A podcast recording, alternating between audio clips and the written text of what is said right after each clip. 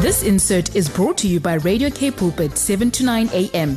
Please visit kpulpit.co.za. He may or may not be wearing his salmon colored shirt, but we all know that the most important about Yanni Pitter is what comes out of his mouth, and that is a message of motivation and uplifting and a mindset for the week. Goeiemôre Yanni Pitter, hoe lyk dit daar in Midstreams?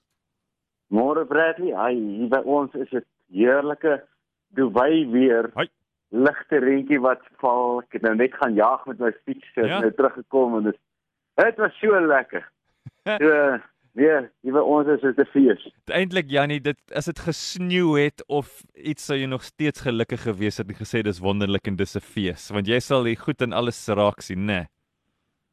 Oh, Bradley, that's that's the, ek ek dink dis die skill van lewe is. Ek en my vrou gesels vanoggend spesifiek daaroor toe ons in vroeg gesit en kuier. Sê ek, weet jy wat? Elke mens kies wat hy sien. Ja. En ek sê altyd vir mense, jy kies wat jy sien. Realiteit is vir almal daar, maar jy kan kies wat jy in realiteit sien. Hmm. En ek vra altyd vir mense, ehm uh, vir kinders as hulle by my sit, dan sê ek vir hulle, "Kan ek jou 'n vraag vra?" Ja, oom. Sê gou vir my waarvoor is jy dankbaar? En dan kom hy met so 'n paar goedjies op en dan en dan sê hy klaar. Hmm. Sê ek vir hom, "Is jy nie lus om daai vraag vir my te vra nie?" Dan vra hy, "Ja, oom, ek sal." En dan, "Oom, waarvoor is oom dankbaar?" En dan begin hy te praat. En dan noem ek sulke klein goedjies op, Brad, jy weet wat soos om te jy weet al noem, noem ek net op dat ek kan ruik. Dat Ja. ek die die die, die natuur kan ruik, die buite kan die reën kan voel op my vel. Dankie vir 'n sambreel, dankie vir uh, 'n stoel waarop ek kan sit vir ligte in my huis. Heerlikheid, dan kyk daai kinders my so aan. Mm. En as ek klaar dan sê ek, "Wat het jy gehoor?" Dis dan sê hulle, "Ja, oom, oom sien baie dinge raak." Sê ek, "Ja, die stil van die lewe is hoe meer dinge jy raak sien wat in jou guns is, Ja. hoe ryker is jy. Hoe minder dinge jy raak sien, hoe armer is jy. So rykdom en armoede is eintlik maar net wat jy kies om te sien. Mm. So, Ja, dis waar wat jy daar hierdie sê. nou vir hierdie week, hierdie week het ek 'n lekker uitdaging Bradley. Ja, kom ons hoor. Ehm, ek uh, hier gister se wedstryd tussen Nadal en Medvedev. Medvedev. Ek ek weet almal kyk na die tennis nie, maar Nadal is nou 35 jaar oud en hy het 20 Grand Slam toernooie gewen. Hy en Federer en uh, Djokovic almal op 20 gewees. En ehm uh, na die eerste stel gister do- nog 'n heerlikheid. Ek hoop ehm um, Nadal kan terugkom. Mm. Ehm um, en in die tweede stel is hy voor en wragtig daar verloor hy daai stel en hy's twee stelle teen 0 agter in 'n finaal van uh, die Australiese Ope. En mense daar amper gedink, "Wow, hierdie ou is te oud. Hy hy gaan dit wragtig om nou hier deur te gaan gaan guts vat." Nou voor ek nou die mense wonder nou wat het gebeur. Obviously het hy gewen want anders sou mense daaroor gepraat het nie. Maar Die interessante ding is hoeveel van ons staar mislukking in die oog. Nadal het gister mislukking in die oog gestaar, letterlik. Hmm. Eerste stel verloor, tweede stel verloor. Ek staar mislukking. My droom, my harde werk tot hier. Ek staar pyn in die oog. My bene seer, ek kan amper nie hardloop nie.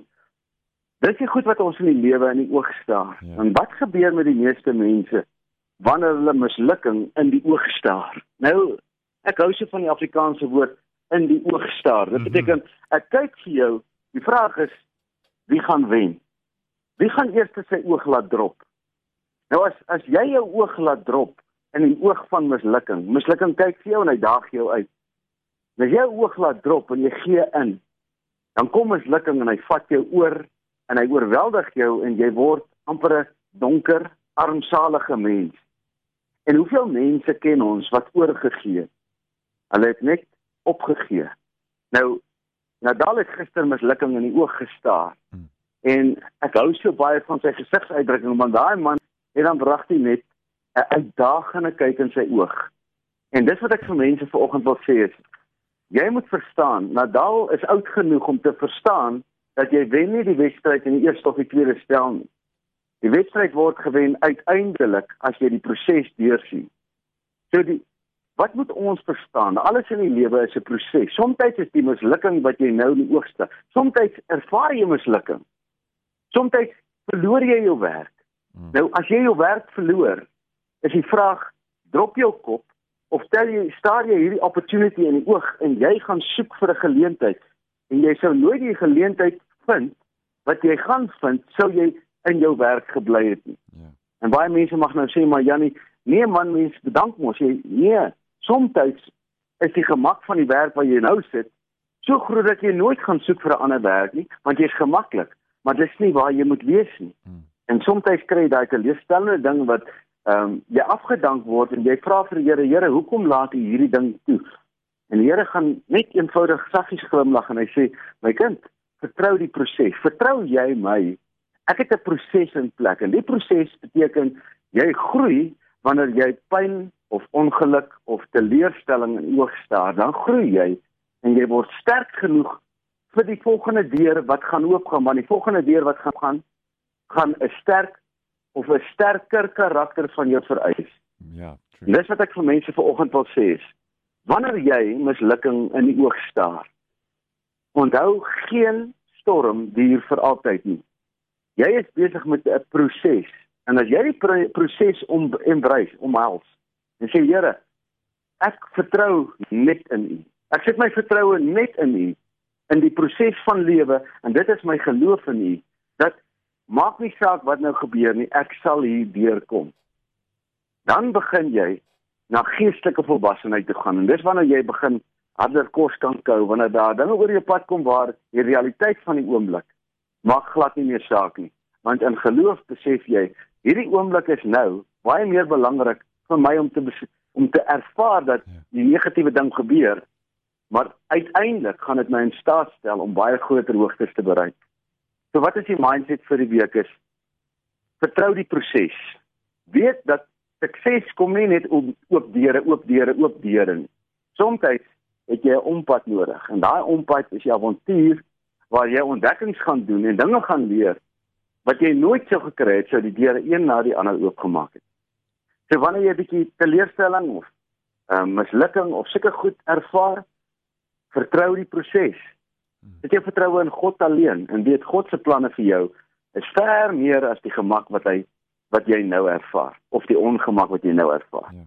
So geniet hierdie week. Dankie dat jy my toelaat om met julle sommer net 'n gedagte of twee te deel. Ek weet dit gebeur met ons in ons lewe ook baie. Hoeveel teleurstellings het ek al nie oor gestaar. Hmm.